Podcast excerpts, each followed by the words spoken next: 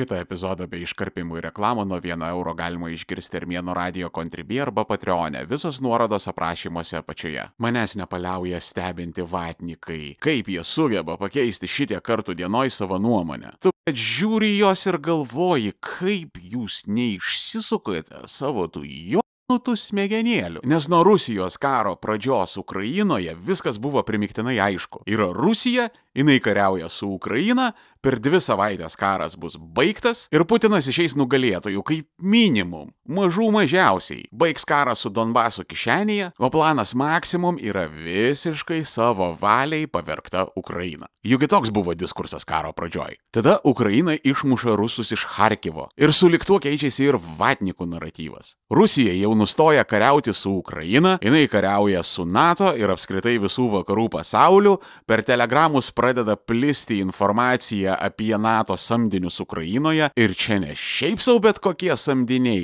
o dešimtys tūkstančių juodaodžių NATO samdinių. Tada rusai bėga iš Hersono ir prasideda, mes kariaujame su pasauliniu satanizmu, genderizmu ir liberalizmu. Jie nori sunaikinti rusų tautą už jos dvasingumą, jie pavydė ją jos dvasingumo ir daro viską, kad rusai žlugtų. Ir atkreipkite dėmesį, kaip iš visų šitų pasakojimų po truputėlį nyksta Ukraina. Aš devintą mėnesį viešpats man teisėjas stebiu visus didžiuosius Rusijos propagandistus. Ir aš galiu jūs patikinti, kad po Rusijos pralaimėjimo Hersone karas pradingo iš oficialiosios Rusijos žinutės. Nes suprantate, tie visi padugnės, Maskvos propagandistai, tie, kurie net nemirksėdami pasakojo, koks Zelenskis, etninis žydas, rusakalbis Zelenskis yra nacis ir rusofobas, net tie žmonės nebegali ramiais veidais kalbėti apie karą. Ką mes dabar stebime, tai yra procesas, kada klėdesys susiduria su realybė. Ir vatas klėdesys buvo apie tai, kad Rusija yra antroji pasaulio kariuomenė, kuri yra puikiai pasirengusi, viskuo aprūpinta, gerai apmokyta ir tuoj Putinas čia visiems parodys ir tuoj jis čia įves savo pasaulio tvarką, pamatysit, paminėsit mano žodį, prisišokinėsit pribaldai. Ir va šitas vat vatniko klėdesys atsimušė į realybės gelžbetonio sieną ir išsitaškė į tą faktą, kad visą tą laiką tai buvo imitacija, kad visą tą laiką tai buvo melas, kad visą tą laiką Rusija buvo nedo valstybė, be ekonomikos, be kariuomenės, be kažkokio mokslinio potencialo ir visą tą laiką Rusija buvo šiaurės pusrutulio Somalis. Ir šitie dalykai yra visiškai objektyvūs, tiesiog ant akių vykstantis, realiai pačiupinėjami ir pamatuojami, lenkiam pirštus, ko pavyko pasiekti Vladimirui Putinui. Karo pradžioje buvo reikalavimai NATO atsitraukti iki 96 metų sienų.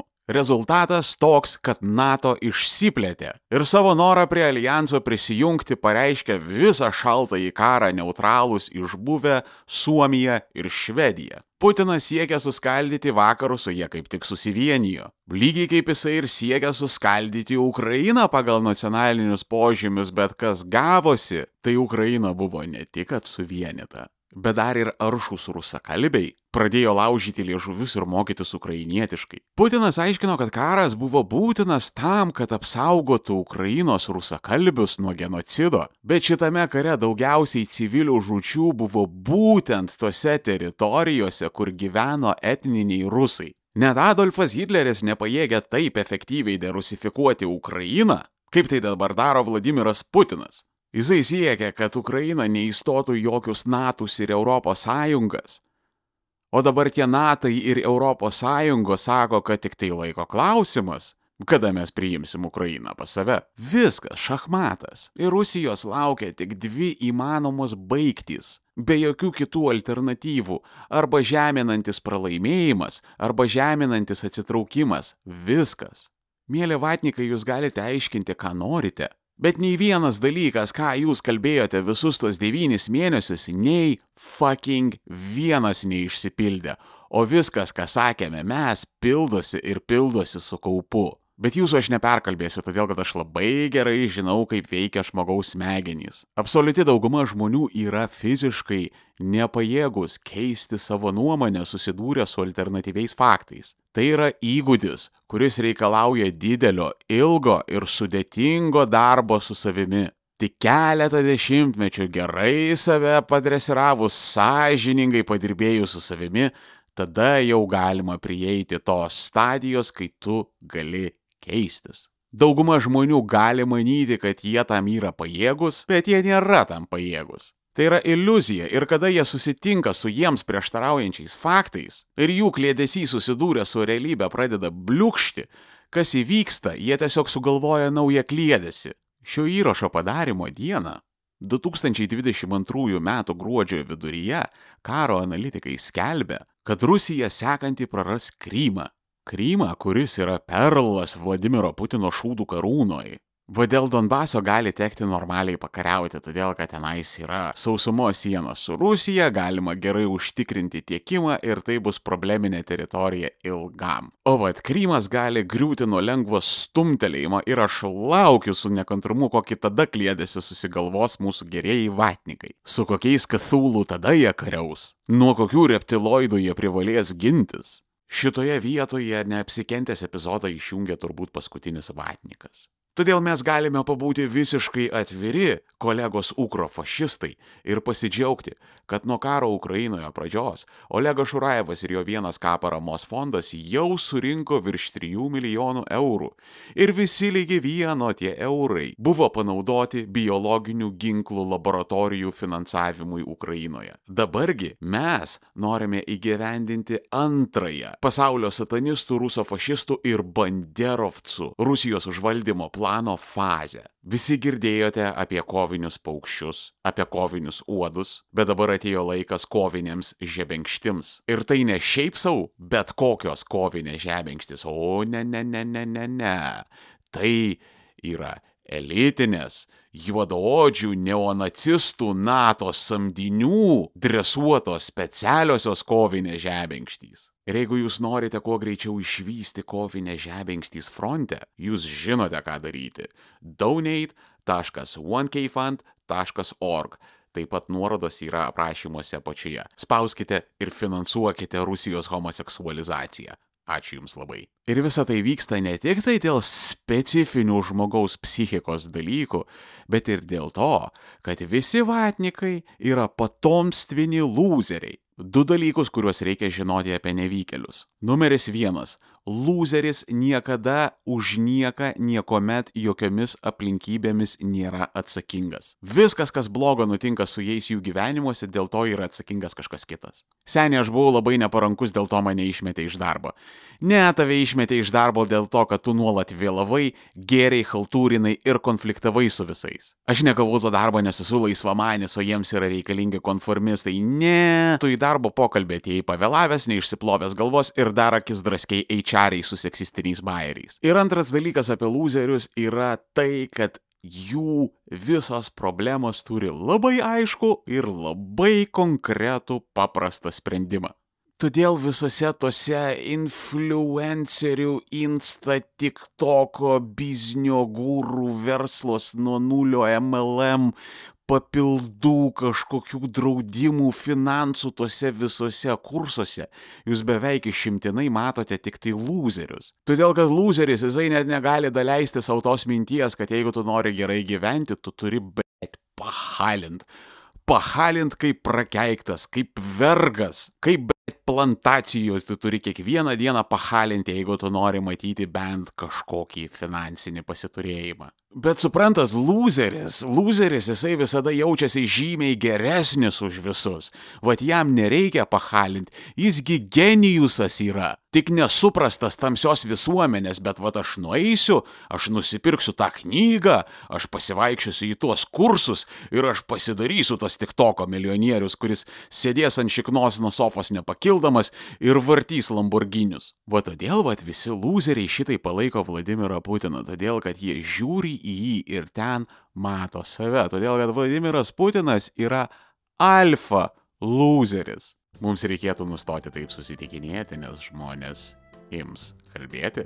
Man tai pradeda atrodyti, kad jūs čia tyčia ateinate. Nes aš niekaip negaliu paaiškinti to fakto, kad yra Armėno radio, Contribui ir Patreonas visos nuorodos aprašymuose apačioje, kur už vieną vienintelį eurą į mėnesį už eurą, paklausykite, už eurą į mėnesį baigėsi visas šitas košmaras su pinigų klenčinimu, reklamomis, o taip Tikėkit manęs, Armėno radijo eteryje bus reklamų. Ir nėra iškarpytas nei vienas blet keiksmažodis. Man atrodo vienas vienintelis paaiškinimas, kodėl jūs vis dar esate čia ir klausotės Armėno radijo nemokamai. Man pradeda atrodyti, kad jūs esate čia dėl mano sodraus aksominio baritono, kuris gali priversti net suaugusius vyrus sudrebėti. Bet jūs esate neteisingu adresu, nes tame pačiame Contribui ir Patreone yra planas numeris 2 Armėnas Pro kur epizodai eina ne tik be reklamos, be cenzūros, bet dar ir pasirodo gerokai anksčiau negu išeina į viešą eterį.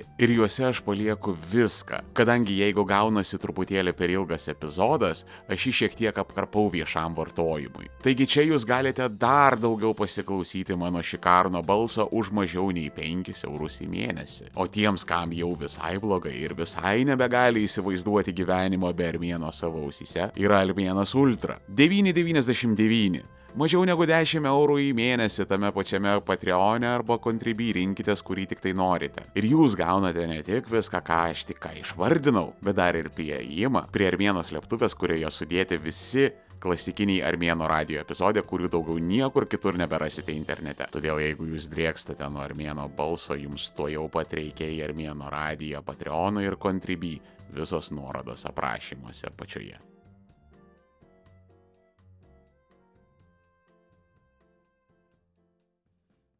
Bet tie, kas nemoka rusiškai, nėra patyrę to dalyko, kad Vladimiras Putinas labai skiriasi tarp to, kaip jisai skamba ir kaip jisai atrodo. Tai yra dvi skirtingos paralelinės visatos. Todėl, kad atrodo Vladimiras Putinas grėsmingai, vaikšto su ta tokia išmestorėjimo gezotrono pahotke kuri atrodo taip pat autentiškai kaip Pinskuvienės veidas. Vladimiras Putinas labai perspaustai artikuliuoja žodžius, kad kiekvienoje nuotraukoje, kiekviename stop kadre kalbant jisai atrodytų toks grėsmingas, toks iššiepęs dantis, toks piktas, toks agresyvus, bet kada tu išjungi vaizdą ir tiesiog pasiklausai garso, kaip šneka Vladimiras Putinas, tu išgirsti mykianti inžinierių. Kada žiūri į Vladimirą Putiną, atrodo, kad jisai šneka, va taip, va.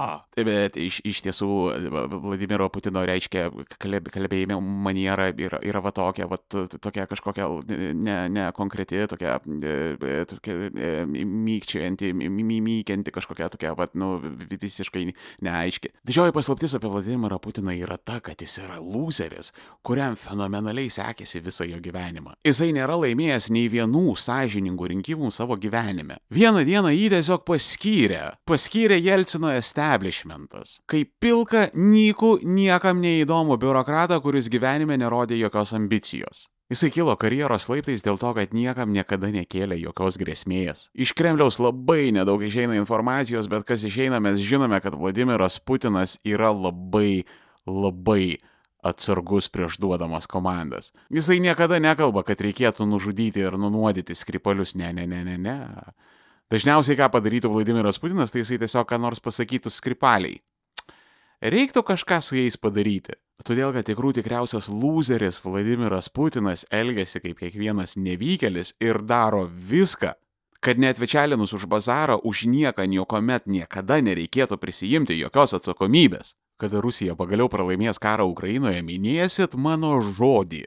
Kai prasidės pasakojimai, kad ne, nieks jokio karo čia nepralaimėjo, čia buvo specialus taktinis atsitraukimas. Ir apskritai Rusija Ukrainoje nugalėjo NATO kolektyvinius vakarus, visas savo užduotis įvykdė ir daugiau toj šalyje jai nieko nebereikia. Ukraina buvo demilitarizuota ir denacifikuota. Bet žinot, kame bairis, mėly vatnikai, ar atkreipėte dėmesį, kaip jūsų yra gerokai, gerokai mažiau lyginant su 2014 metais? Taip yra todėl, kad jūs gyvenate Europoje, rytų Europoje. Čia pas mus galioja taisyklės kaip ir visame civilizuotame civilizuotame vakarų pasaulyje, bet tuo pačiu pas mus ir veikia viena pagrindinė panetkė. Arba palaikai šalį, kurioje gyveni, arba gyveni ir toje šalyje, kurią palaikai. Džiaukitės, vatnikai, paskutinėmis laisvės akimirkomis, nes tuoj jums visiems reikia slėptis ir nebesidemonstruoti. Todėl, kad kada reikia iš tikrųjų apginti savo pažiūras, o ne maigyti klaviatūrą pas tėvus namuose,